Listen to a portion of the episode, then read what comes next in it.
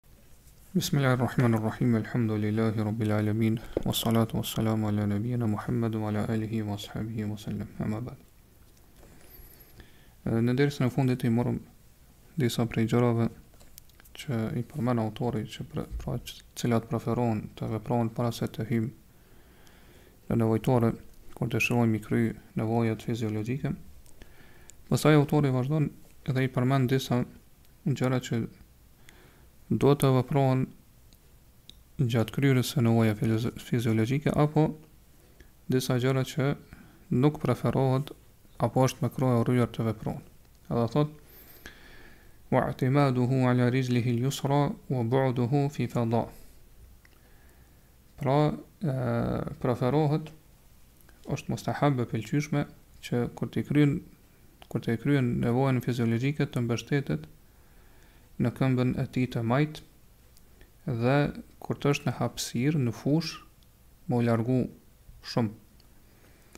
Pra autori këtu po na shpjegon ose po na sqaron se është e preferuar që kur njeriu i kryen nevojat e tij fiziologjike të mështetet në këmbën e majtë.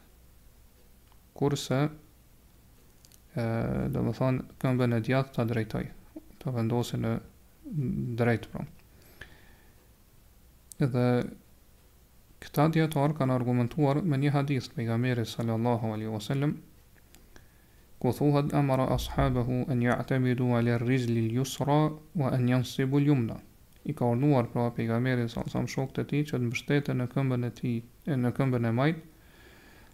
Kurse ta mbajnë drejt, pra ta drejtojnë këmbën e djathtë. Mirëpo ky hadith është i dobët. Pra këtë hadith e kanë vlerësuar si dobët shumë prej imamëve, pra dijetarët e hadithit, siç është Neveviu, Hejthemiu, Ibn Haxheri, edhe të tjerë prej dijetarëve.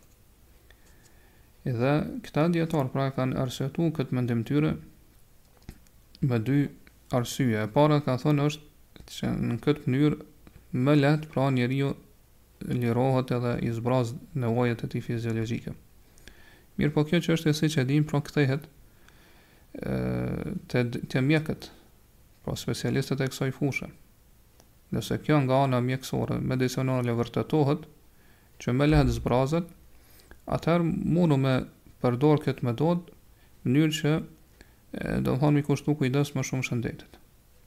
Arsyeja e dytë që e kanë sjellë ka qenë kanë thënë se mbështetja në këmbën e majtë e jo në të djathtën është nga aspekti i respektit që do me thënë tregojnë për këmbën e djathtë ose për anën e djathtë.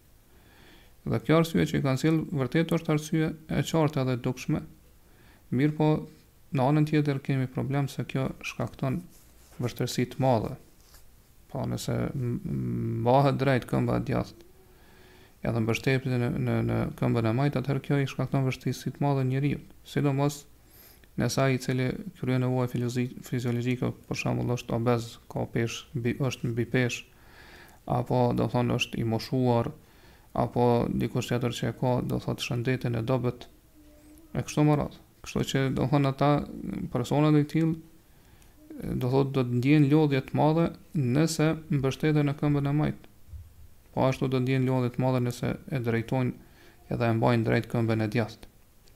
Për këtë arsye, si që dhe shkojnë themi, mund të themi, ose dikush mund të thotë që, përderisa për këtë çështje nuk ka ndonjë sunet të saktë të vërtetuar prej pejgamberit, sa nëmë thonë, pra hadithi siç e pamë është i dobët, atëherë njeriu mund t'ulet sipas zakonit të tij, pra ashtu qysh i vjen më lehtë pra me u mbështet në dy këmbët e tij, edhe kjo kuptohet është më parësore dhe më lehtë për të. Kuptohet kjo është në ato raste kur pra ai vendi ku i kryjmë nevojën fiziologjike është i rrafshët me tokën. Kurse në raste të tjera kur ulemi, siç janë pra shumica e banjove tona, atëherë çështja është më më e lehtë. Dhe autori siç e pamë thotë wa bu'duhu fi fada, edhe nëse i kryen pra nevojat fiziologjike në fush, pra në hapësirë, pa ai që i kryen nevojat e tij fiziologjike në fush apo në hapësirë, atëherë duhet të largohet. Po qëllimi është që duhet të largohet derisa nuk shihet trupi i tij. Po, nuk shihet prej atyre që janë me të, derisa nuk shihet trupi i tij prej shokëve të tij ose ata të cilët janë së bashku me të në atë vend.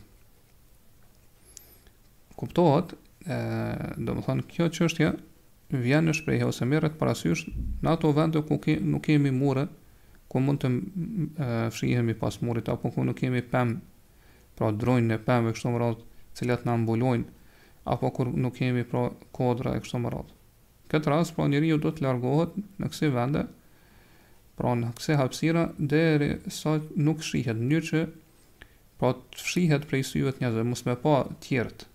Argument për këtë është hadithi i Mughir ibn Shu'be, radiallahu anhu, që transmetohet te Buhariu dhe Muslimi, i cili thotë fantalaka fantalaka hatta tawara anni faqada hajatahu pra tregon për pejgamberin sa thotë u nis dhe u largua derisa u fsheh prej syve të mi pra nuk e shihsha më dhe kështu thotë e kry, e, i kryti nevojat fiziologjike po ashtu pra dietarët kanë thënë se në këtë veprim ka njerëzi burrni edhe edukatë Pra kjo është e qartë dhe e dukshme që ai që vepron këtë këtë formë pra tregon atë njerëzinë dhe burrninë e tij, pra edukatën e tij të lartë e kështu me radhë. Pastaj thotë wastitaruhu dhe gjithashtu duhet të fshihet. Pra është e preferuar edhe e pëlqyeshme që të fshihet prej njerëzve, prej syve të njerëzve. Po qëllimi që të fshihet është të të fshehë të gjithë trupin e tij. Kjo është më e mirë, më e pëlqyeshme edhe më e preferuar. Pra, duke u bazuar në hadithin e Mughirës bin Shobe që e lexuam më lart. Mirpo, ë kur është vjen fjala me me fsheh pra avretin e tij pjesët e tij të turpshme, atëherë kjo është obligative, nuk është e preferuar. Po kjo kalon në obligim, është detyrë obligim që njeriu kur i kryen nevojat e tij fiziologjike ta fsheh, t'i fsheh pjesët e turpshme, pra ta fshehë avretën e tij prej syve të njerëzve. Pastaj po thotë wartiyaduhu li bawlihi makanan rakhwan. Edhe kur dëshiron të urinoj, duhet ta zgjedh për urinimin e tij një vend të butë. Pra, kjo çështje, që është e pëlqyeshme sipas autorit është vetëm në rastet kur njeriu urinon, jo kur e kryen nevojën e tij të trashë. Po kur urinon, atëherë duhet që pra është e pëlqyeshme sipas autorit që ta zgjedh një një një vend të butë ku e hedh ose e vendos urinën e tij. Dhe qëllimi pra, nëse dikush pyet pse është e pëlqyeshme, pse është e preferuar me zgjedh vend but, atëherë përgjigja ndaj këto ndaj kësaj është që do thotë kjo njeriu nëse zgjedh vendin e but atëherë është më larg ose shpëton prej spërkatjeve të, të urinës. Edhe pse do thotë në, në origjinë, në esencë themi që do thotë nuk nuk godasin spërkatjet e urinës, mirëpo ë do thot që njeriu kur friksohet ose që është është më larg më sigurt që mos ta spërkatin pra ato pjesë pikat e urinës e kështu me radhë. Pra që nëse vendi është i fort e kështu me radhë mundën me ju kthy pikat e urinës ta spërkatin në trupin e tij apo në rrobat e tij e kështu me radhë. Dhe ka mundësi pastaj që nëse vendi pra është i fortë edhe fillojnë ato pikat e urinës, do thot me me u kthy, atëherë njeriu do thot t'i hapet dera e vesveseve dhe cytjeve. Shumë prej njerëzve pra sprovohen me vesvese dhe cytje në, në, në kësi gjendje ose në kësi rrethane. Edhe thot, Po kam frikë që mos, do thotë nëse urinoj pra në një vend fort mos më kthehen pikat e urinës, mos më spërkaten rrobat apo trupi e kështu me radhë. Edhe pastaj këtu, pastaj siç e dimë pra, edhe nefsi i njeriut fillon me vepru punën e e tij, pra shpirti i njeriut me me me me ja hap derën pra vesveses derisa pra njeriu arrin në gjendje që është në mëdyshje, në konfuzion edhe s'din çfarë me vepru. Prandaj nëse në tokën ose në vendin ku ai është dëshiron pra me urinu nuk gjen ndonjë kësi vendi të butë, siç po thot autori, atëherë në këtë rast dijetarët kanë thonë duhet ta afroj organin e tij gjenital deri afër tokës, në mënyrë që Mos me ju kthy prapë pikat e urinës, apo mos me spërkat pikat e urinës. Edhe kjo është e saktë siç thotë Shejh Uthejmini. Pra këto do thotë është mirë të mirren parasysh ose të mirren në konsideratë mënyrë që njeriu mi largu prej vetes pra vesveset, mi largu prej vetes cytjet, dyshimet e kështu me radhë, të cilat i hedh shejtani në nefsin e njeriut.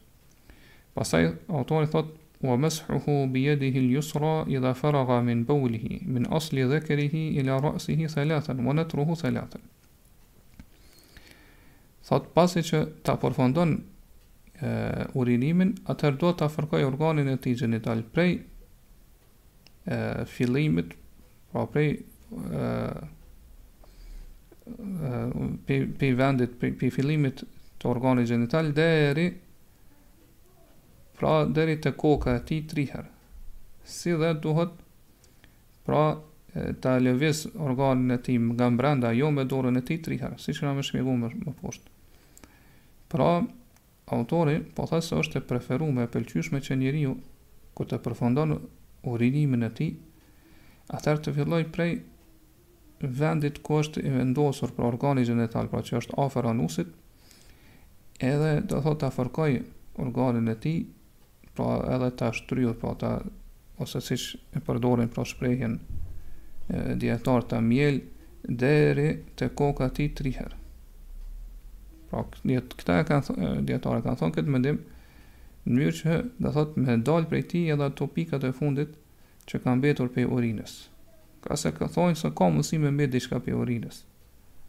Kështu që kur njeriu ngritet n'këmbë edhe fillon të lëviz, atëherë ajo me me me dal prap prej organit edhe me ja bë të papastra rrobat ose kështu me radhë.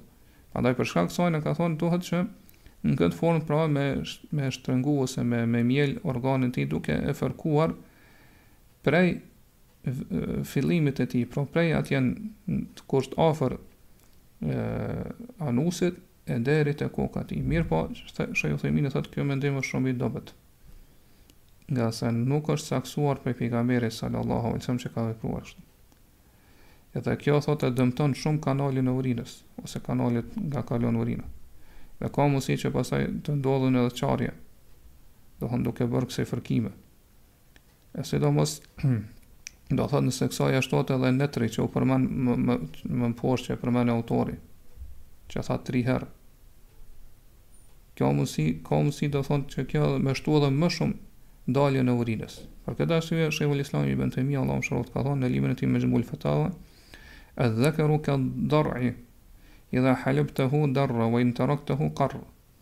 Thot organi gjenital i mashkullit është sikurse sikurse gjiri te te gratë. Nëse e mjel, pra ai vazhdimisht qet. Dhe vazhdimisht del diçka. Nëse e lën, do thot ajo ndalet edhe nuk vazhdon me do thot me me me dal diçka prej prej gjinit. Thot kështu është edhe organi gjenital i mashkullit. Për këtë arsye nuk preferohet n'këtë formë me fërku organin gjenital qysh sa qysh ka thënë autori. Mirëpo thjesht pra njeriu kur e përfundon urinën, urinimin, e pastron me ujë ose qysh kena me marrë do thotë me gurë majën e kokën ose majën e organit gjenital edhe kjo mjafton. Autori po thotë ue netruhu thelathen, en-netr që u përmend këto me, me vepru tri herë, siç e shpjeguam më lart, është me pra që njeriu me lëviz organin e tij gjenital prej mbrenda jo me dorën e tij dhe këta kanë argumentuar pra me hadithin e pejgamberit sallallahu alajhi wasallam që thotë idha bala ahadukum falyantur dhakaruhu thalathan kur dikush prej juve urinon atëherë le ta bëj këtë veprim pra netrin tri herë në organin e tij gjenital. Mirëpo edhe ky hadith është i dobët. Pra, Bejhakiu, Newawi, Ibni Hajeri, El-Busiri, edhe tjerë prej dijetarëve kanë folë edhe kanë shpjegu që hadithi është i dobët. Pra, me bënë netër, pra, për qëllim që është është prej mrenda me lëviz organin e, genital. Pra, këta dijetarë kanë thonë, kjo, kjo veprohet në mënyrë që me dalë edhe ato pjesë të mbetura të urinës, nëse ka mbetë diçka prej urinës në organ. Mirëpo, hadithi siç e pamë është i dobët dhe nuk merret për bazë që të veprojmë atë. Edhe vetë kjo, kjo formë e veprimit, pra po, netri, është prej teprimit të ndaluar në fe. Për këtë arsye, arsye Sheikhul Islami Ibn Tejmije ka thënë en natru bid'atun wa laysa sunna wa la yanbaghi lil insani an yantura dhakarahu. Pra ka përmend këto në Majmu'ul Fatawa dhe librin e tij El-Ikhtiyarat. Pra netri, pra kjo formë e veprimit, Me lëviz organin prej brenda thotë është bidat dhe nuk është sunet fare. Edhe nuk dohet pra që njeriu të të veprojë këtë mënyrë me organin e tij gjenital. Dhe këto dy veprime që i kanë përmend pra dijetarët e medhhebit Hambeli janë të ngjashme me ato që i kanë përmend dijetarët e medhhebeve të tjera. Për shembull, disa prej tyre kanë thënë njeriu kur të përfundon urinimin e tij duhet të kollitet derisa del edhe ajo pjesa e mbetur e urinës që është aty, pra që ka mbetur në në organ. Disa tjerë kanë thënë duhet ngritet edhe do të ecë disa hapa. Po këto i përmend Sheikhul Islam në librin e tij Majmu'ul Fatawa këto mendime. Disa të tjerë kanë thonë dohet të të ngjit disa shkallë, të ngjitet në disa shkallë dhe pastaj të zbres prej tyre shpejt. E kështu me radhë, po këtë e kanë arsyetu me mendimet e tyre me atë që e përmendëm më lartë, pra që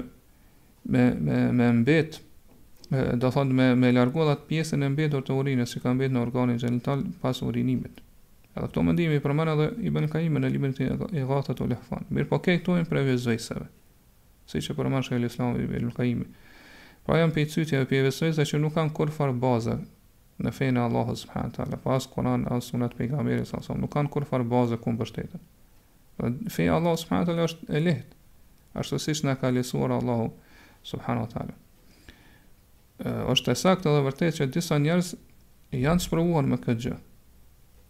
Pra, kur të ecë disa hapa edhe të lëviz prej vendit ku urinon, pra ai e ndjen që e, po del diçka, do thot prej organit të tij gjenital pasi që e ka pastruar, po po del diçka prej urinës.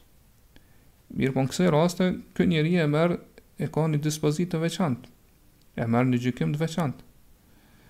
Prandaj Sheikh Uthaymeen thotë mund të themi që nëse dikush e ka zakon, pra prej adetit, zakonit të tij është që masi e kryn urinimin, urinimi prap mbeten disa pika të urinës në organin e tij, edhe ato nuk dalin veçse kur të lëvizë, kur të lëvizë pra personi ose kur të ecë, atëherë në kësi, në kësi raste thotë Shejh Uthejmin nuk ka të keqe me me ecë pak. Me kusht, thotë me kusht që të jetë i bindur, të ketë dije dhe bindje të plotë që ë do të thotë rasti i tij është i këtillë. Pra që masi e kryen urinimin dhe masi pastrohet me ujë, prap mbetet diçka prej urinës në organit i ndal. Mirëpo thotë nëse e ka vetëm si hamendje, po vetëm hamendëson ose vetëm si cytje dhe vesvese, atëherë thotë nuk e merr parasysh këto. Prandaj thotë kjo mund të llogaritet si ilaç, mund të llogaritet si trajtim ose si mjekim i këtij personi. Pra që nëse është i bindur se i mbetet mbetet diçka prej pikave të urinës në organin e tij dhe nuk dal veçse kur të lëvizë, atëherë thotë mund të themi që i lejohet me lëvizë dhe me ecë. Mirëpo thotë kjo është gjykim i veçantë për këtë person, edhe nuk mund ta merrim nuk nuk nuk mund ta marrim ose ta konsiderojmë ose ta vendosim si gjykim të përgjithshëm përgjithshëm për çdo kënd prej prej njerëzve apo prej muslimanëve. Po ashtu pastaj vazhdon autori vazhdon thotë wa tahawwuluhu min mawdi'ihi li yastanjiya fi ghayrihi in khafa talawuthan talawuthan Thotë gjithashtu duhet të zhvendoset prej vendit ku e ka kryer pra ku i ka kryer nevojat fiziologjike në mënyrë që të pastrohet prej tyre në një vend, pra të vendoset në një vend tjetër nëse frikësohet që mund të bëhet i papastër. Që që t'i ndyten ose të bëhen të papastër rrobat e kështu me radhë. Pra autori po thotë se njeriu nëse frikësohet që e, mund të pa, të bëhen të papastër rrobat ose e, trupi i tij Kur ti kur të pastrohet, pra kur të la, kur të, masi i kryen nevojat fiziologjike. Pra dhe pastrohet bën istinxha, pastrohet me ujë. Edhe friksohet që pra uji të kthehet prej ose spërkatjet e, e, e nevojës fiziologjike po ose qoftë e madhe, qoftë e vogël, kur të pastrohet me ujë, pra pikat të kthehen edhe ta bëjnë të papastër pra trupin e tij ose pra kofshën e tij ose do dhe pjesë të tjera trupi ose rrobën e tij e kështu me radhë atëherë po thotë autori është në kësi raste është e preferuar është e pëlqyeshme që me ndru vendin mu zhvendos në një vend tjetër pra kjo është më mirë edhe më e preferuar që të veprohet kështu në mënyrë që me largu do thotë atë që është më e keqja që është më e dëmshme Po edhe në anën tjetër ka mundësi do thotë që këto çështje me sjell vesvese dhe cytje te njeriu. Pra nëse e ka kry nevojën fiziologjike, pra në në një vend ku ka pra nevoja fiziologjike ka mbet aty dhe kur pastrohet do thotë pikat e ujit së bashku me nevojën fiziologjike pra kthehen edhe spërkatin trupin e e kështu me radhë, atëherë më mirë është mu zhvendos në një vend pak më larg dhe mu pastru me bë istinxha. Kjo është kur friksohet, mirëpo nëse nuk friksohet që mund mu bë të papastërta rrobat ose trupi i tij e kështu me radhë, siç janë pra e, ato vendet ku sot i kryjnë nevojat fiziologjike, pra këto që janë moderne, atëherë inshallah nuk ka nevojë mu zhvendos, pra pastrohet në atë vend. Pastaj vazhdon autori thotë wa yukrahu dukhuluhu bi shay'in fihi dhikrullahi ta'ala. Dhe është e urryer që të hyhet në nevojtore me diçka në të cilën është dhikri i Allahut ta'ala, subhanahu wa ta'ala. Po përmendet emri i Allahut subhanahu wa ta'ala. Po qëllimi me dhikrin e Allahut këtu është emri i Allahut. Jo dhikri që është i njohur, po ku ka përmendje të Allahut. Po, pse themi që është për qëllim, do thotë që është e urryer të hyhet në nevojtore me diçka ku është emri i Allahut, ngase këta dijetarë kanë argumentuar për këtë çështje me hadith me hadithin e Enesit radhiyallahu anhu i cili thotë se pejgamberi sallallahu alajhi wasallam kur ka hyrë në nevojtore e ka larguar prej dorës së tij unazën. Ngase në unazë ka qenë e shkruar Muhammedun Rasulullah Dhe siç e dimë, kjo shprehje pra Muhammedun Rasulullah nuk është prej dhikrit të njohur, me të cilin e përmendim Allahun. Prandaj prej kësaj, arrijmë në përfundim, ose kjo gjë ky hadith e, të na kërkon, edhe arrijmë në përfundim që çdo gjë ku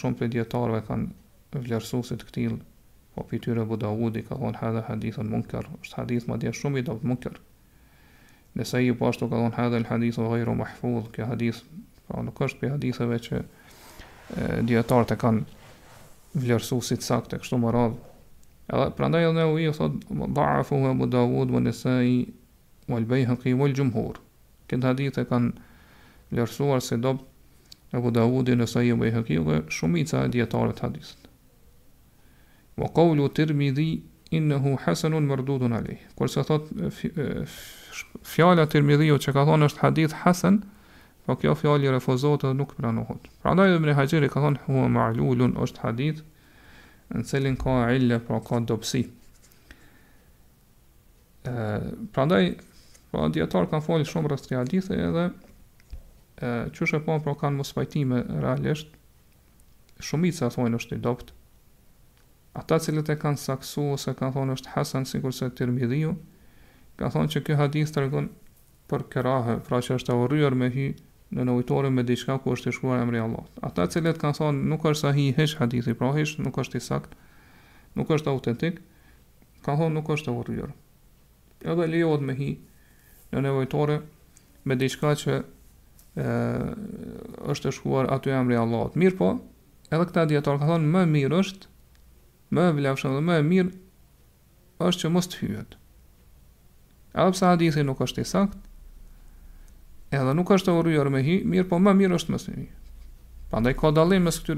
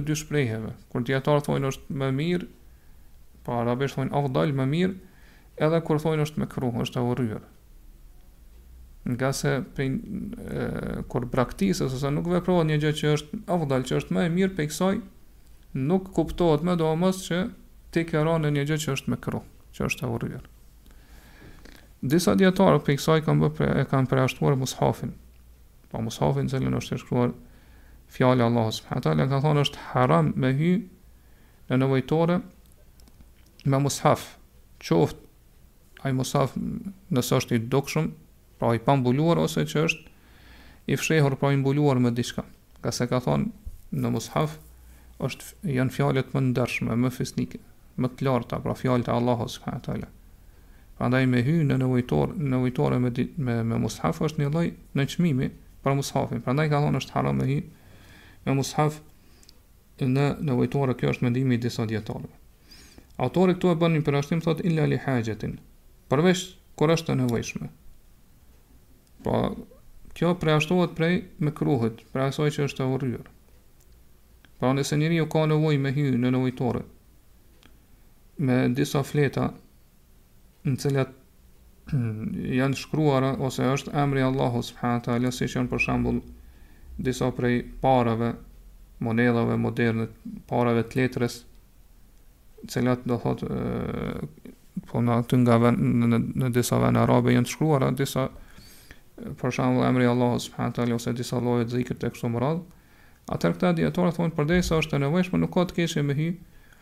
në nevojtore me këto me këto pare të letrës ngase nëse i themi njeriut të mos hy me këto pare në nevojtore edhe nxirri prej xhepit tënd ose prej ku i ki ato edhe me, lej jashtë pra te dera nevojtores atëherë ka mundësi që njeriu pastaj m'i harru ato pa po kur del prej nevojtores i harron edhe nuk e merr mo ose nëse është në një vend i, i hapur për shembull Mundet do thotë që këto e paret pra në këtë rast me ju ekspozu ndonjë rreziku siç është për shembull me ardh ndonjë erë edhe m'i fry edhe m'i fluturu domethonë m'i, m'i, m'i hidh në një vend larg apo nëse është në një vend publik ku ka dhe njerëz tjerë atëherë është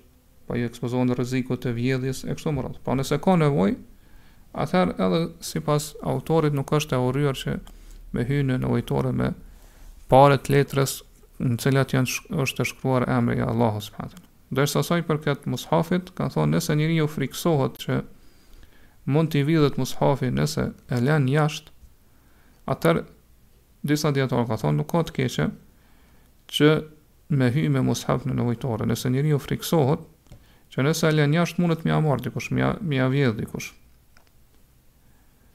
ë Madje këta dijetarë kanë thonë edhe nëse është i pasur, edhe ka mundësi me zëvendësu me ble ni tjetër prap, përderisa frikësohet që mundet me ia marr dikush, thonë, këta dijetarë kanë mendimin që lejohet, pra të hyet në mushaf, përderisa kjo është e nevojshme, edhe ekziston rreziku që me ia marr dikush. Shejh Uthejmini thotë sidoqoftë është mirë që njeriu sa i përket mushafit, veçanërisht pra sa i përket mushafit, me u mundu që mos me hy me mushaf fare në nevojtore. Edhe nëse është në një vend publik, po ku ka është vend tubim ku ka njerëz të tjerë, atëherë nuk hyn mirëpo ia jep dikujt prej njerëzve.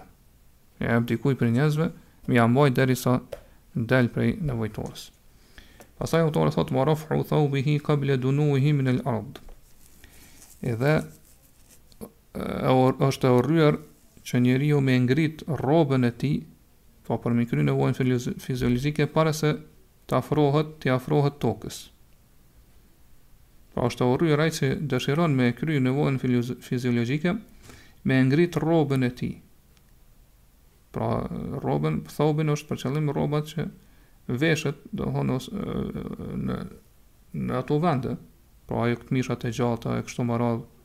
Po edhe rroba tjera, domethonë që njeriu, domethonë i zhvesh, ose i zbret poshtë e kështu me radhë. është mirë, pra, është e urryer sipas autorit që m'i largu rrobat e tij, po me zbulu avretin, edhe pjesët e turpshme para se me iu afru tokës. Kjo i ka dy gjendje. E para është nëse rasti ka njerëz që munden, që e shikojnë. Atëherë largimi apo zhveshja e rrobave para se me iu afru tokës është haram, është e ndaluar. Ngase njeriut nuk i lejohet me zbulu avretin pjesët e turpshme që të tjerët me ia pa. Dhe pejgamberi a.s. e ka ndalu këtë gjë, siç ka ardhur në hadithin që transmetohet te Muslimi prej Abu Said al-Khudriut, ka thënë la yanzuru ar-rajulu ila awrati ar-rajul. Asnjë burrë mos ta shikojë avretin apo pjesët e turpshme të tjetrit. Çështja e dytë është që njeriu me zbulu avretin duke qenë i vetëm në nevojtore, po s'është askush afër tina, ose do të thonë edhe ndonjë vend tjetër në fushë për shembull kur është duke kry nevojat fiziologjike s'e ka askënd pranë vetes. A është e urryer apo jo që me i zbulu ose me i hjek me me fillu me i zhvesh rrobat para se m'ju afru tokës. Po do të me ditë se do të thonë kjo çështje bazohet se a i lejohet njeriut me zbulu avretin pjesët e turpshme kur është vetëm. Edhe s'e sheh askush. Dijetarët kanë dhënë i kanë dhënë tri mendime rreth kësaj çështje.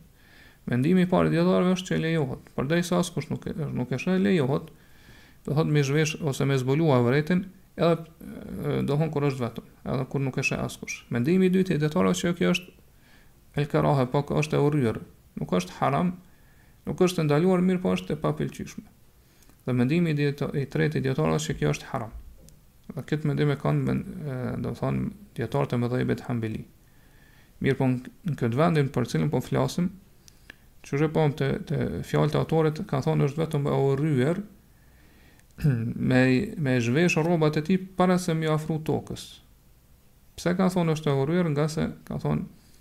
Këtu zbulimi i avretit është për një shkak, për një arsye që është kryerja e nevojave fiziologjike. Mirëpo këta pra kanë thonë është e urryer që ta ngresë rrobën e tij apo ta largojë rrobën e tij para se m'ju afru tokës, ngase nuk ka nevojë që me, me i largu rrobët ose me i zhvesh rrobët, me ngrit rrobët në këtë herë, në, këtë, në këto raste, para se m'ju afru tokës.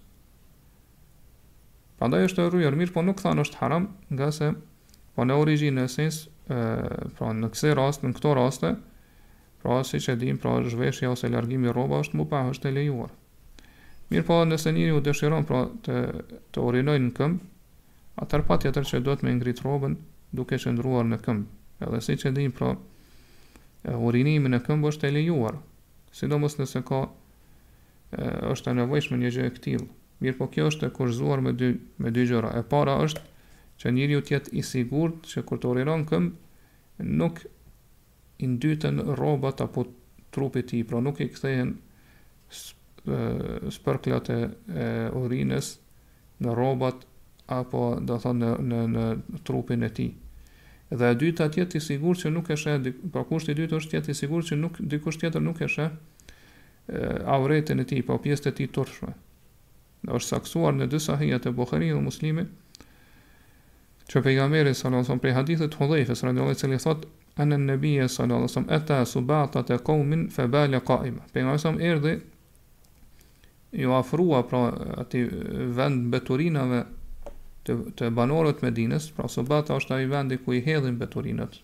Pra ku ka grumbull i i mbeturinave thotë edhe pejgamberi sa urinoi në këmbë. Disa dietar kanë thonë pejgamberi sa ka urinuar në këmbë në këtë rast për me tregu që kjo është e lejuar.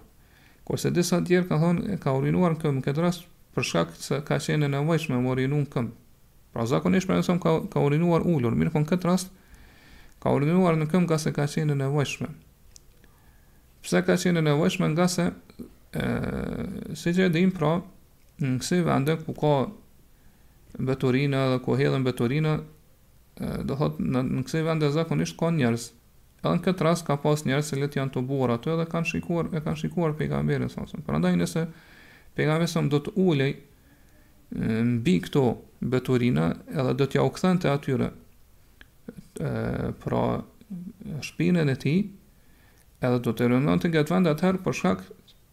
do të thotë vendi ku urinon do të do të spërkatej me urinë. Mirëpo nëse do të ulej mbi këto mbeturina edhe do të kthehej kah njerëzit për ta kryer urinimin, atëherë do të zbulohej avreti e pjesët e turpshme para tyre. Prandaj Pejgamberit i ka mbetur vetëm një mundësi, pra që të urinonte në këmbë duke iau kthyer shpinën, pra njerëzve që kanë qenë të tubuar në atë vend.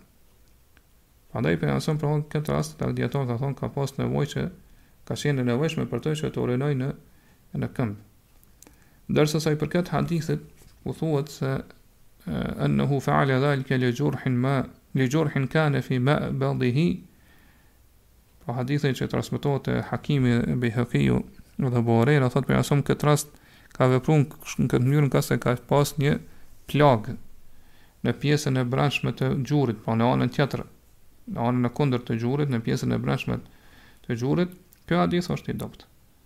Prandaj Darekutni, Bejhekiu, Neveviu, Ibn Haxheri dhe të tjerë e kanë vlerësuar si hadith daif. Po ashtu mendimi i disa dijetarëve që Pejgamberi thotë, që kanë thënë se arabët prej zakoneve të tyre ka qenë që janë mjekuar, janë kuruar prej dhimbjeve të gjunjëve që i kanë pasur, pra duke urinuar në këmbë. Edhe kjo është e dobët, edhe ky mendim është i dobët. Mirëpo mund të thuhet, siç thotë dhe shejh Uthejmini, që, Arabët e kanë pas zakon që nëse kanë filluar me ndie dhimbje në gjunjët e tyre, atëherë, pra kur kur janë ulur, si fjala, kur kanë qëndruar ulur, kanë nëse kanë ndjerë dhimbje në gjunjët e tyre, atëherë për shkak të nevojës kanë urinuar në këmbë. Pastaj vazhdon autori thotë wa kalamu hu fihi. Po është e urryer që edhe të flitet në nevojtore.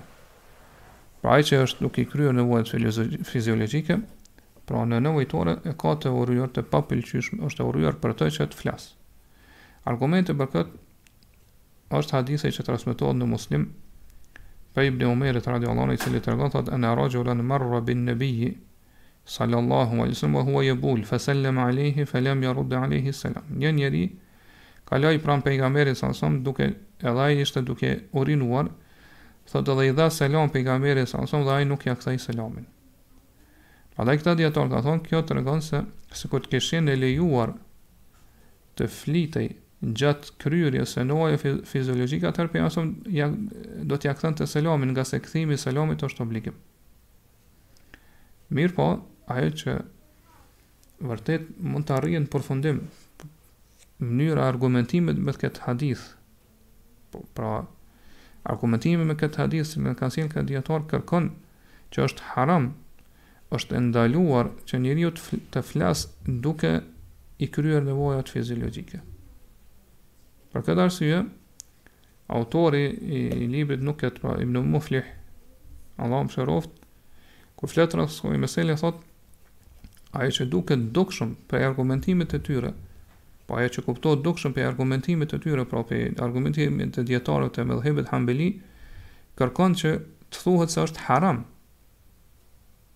Pra që të flitet gjatë kryerjes së nevojave fiziologjike. Thotë dhe kjo është një prej dy mendimeve të dijetarëve të medhhebit Hambeli në këtë çështje. Mirëpo, kur e kanë përmend se është vetëm, pra siç është e përmendur te fjalët e autorit, kur e kanë përmend se është e urryer, atëherë e kanë arsyetuar fjalën e tyre, po pse, pse nuk kanë gjykuar që është haram, mirëpo vetëm është e urryer, Këtë mendim të tyre e kanë arsyetuar me dy arsye, arsyetime. E para është se, ka thënë ai i cili ja ka dhënë, i ka dhënë këtë rast pejgamberit sallallahu alajhi wasallam, i ka dhënë selam, nuk e ka merituar që t'i kthehej selami. Ngase nuk dohet Edhe nuk bën që t'i jepet selam atij i cili është duke i kryer nevojat e tij fiziologjike. Prandaj ai që i jep dikujt selam në këtë gjendje nuk e meriton ose nuk duhet që t'i kthehet selami, por nuk e meriton që t'i kthehet selami. Mirpo, ky arsyetim është i dobët, siç e përmend Shejh Uthejmini, Allahu e mëshiroftë, ngase pejgamberi sallallahu alajhi wasallam nuk e ka arsyetuar veprimin e tij në këtë mënyrë. Po kur nuk e ka kthyer selamin këtij personi, nuk e ka arsyetuar këtë moskthim të selamit në këtë formë, pra që ai nuk e meriton kthimin e selamit, siç kemi me pa më poshtë. Arsyetimi i dytë që e kanë dhënë këta dijetarë kanë thënë se pejgamberi sallallahu alajhi wasallam nuk e ka braktisur ose nuk e ka lënë obligimin. Ngase pejgamberi sallallahu pasi që e ka përfunduar urinimin, ja ka kthyer selamin atij dhe i ka kërkuar në një farë mënyre ka ka tregu, ka treguar e ka arsyetuar moskthimin e selamit, siç ka ardhur pra në hadith në këtë hadithin që transmetohet pra që e përmendëm më lart, ky hadith transmetohet te te, te Abu Dawudi, te Imam Ahmedi, te Abu Dawudi, pra te Nesaiu, Ibn Majah dhe kështu me radhë, dhe aty pra përmendet se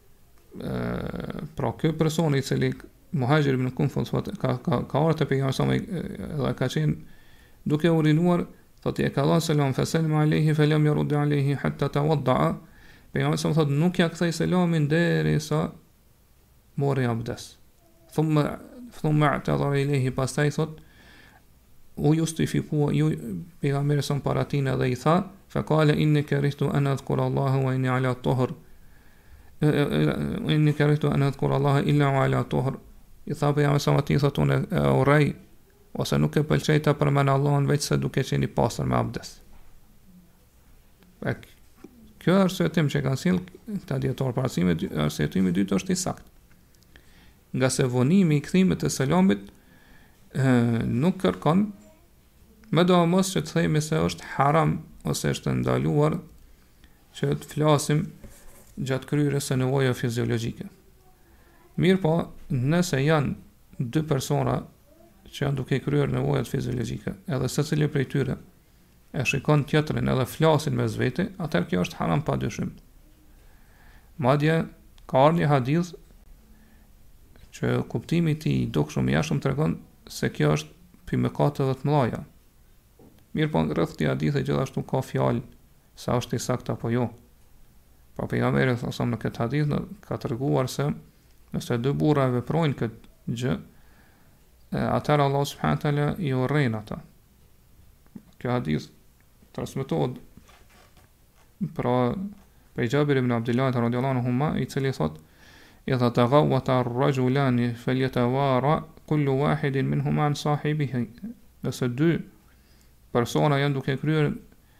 nevojën e madhe, pra një, njëkohësisht, atëherë secili prej tyre le të fshihet prej tjetrit. Wa la yatahaddathani ala tawfihima dhe mos të flasin për gjërat që dëshirojnë e kështu me radhë pra zak, gjërat e zakonshme. Fe inna Allaha yamqutu ala dhalik ngase Allahu e urren shumë këtë gjë. Allahu e urren shumë këtë gjë. Dijetarët rreth këtij hadithi kanë mospajtime a është i saktë apo jo. Disa prej dijetarëve, siç ka thënë Ibn al-Qattan, është e kanë vlerësuar hadithin si të saktë. Edhe Ibn Abd al-Hadi do të thotë është pajtuar me këtë mendim.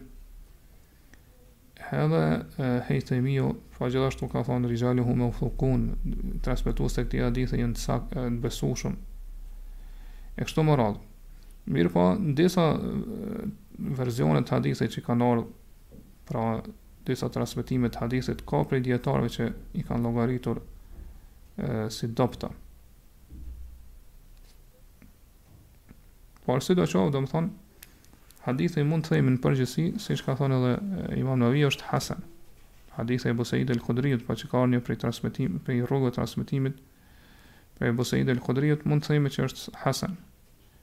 Edhe Hakimi ka thënë hadithi është sahih dhe domethënë Neveviu është pajtuar. Por domethënë disa prej dietarëve këtë rrugën që ka ardh prej Ebu Seid el Hudriut e kanë, dobës, e kanë vlerësuar si të dobët, pra që është hadith daif.